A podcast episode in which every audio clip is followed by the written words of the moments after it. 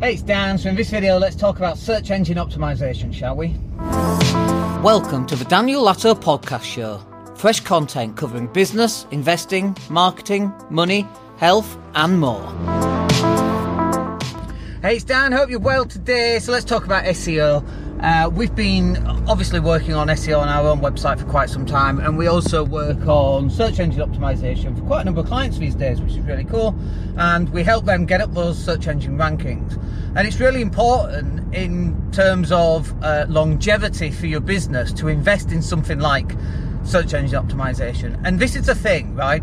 Is it's not this overnight thing that you're going to get results and a load of content and so on and so forth done for you and you get these magic results. It's, I wish it was, it's just not.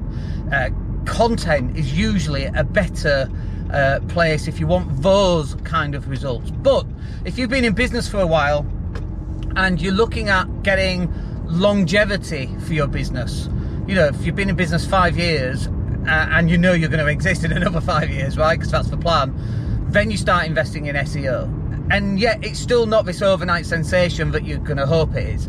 However, over the long uh, period of time, it does make a dramatic difference to your bottom line because it's not that much of an investment. You'd be surprised at how cheap it actually is. And then in terms of returns that you're going to get, they can be, you know, how many leads do you want basically?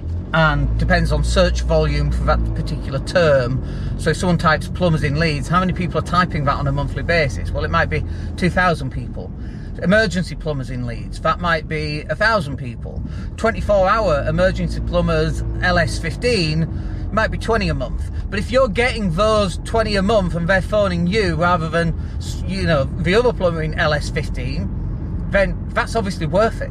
And so the more specific you can get on your SEO terms, you know, so if you if you're trying to rank for plumber in Leeds, the chances are you ain't ever going to do it. You've got all these bigger businesses, we've got tens of thousands of pounds every month to be able to spend on SEO and to get to the top of rankings. You're never going to do that.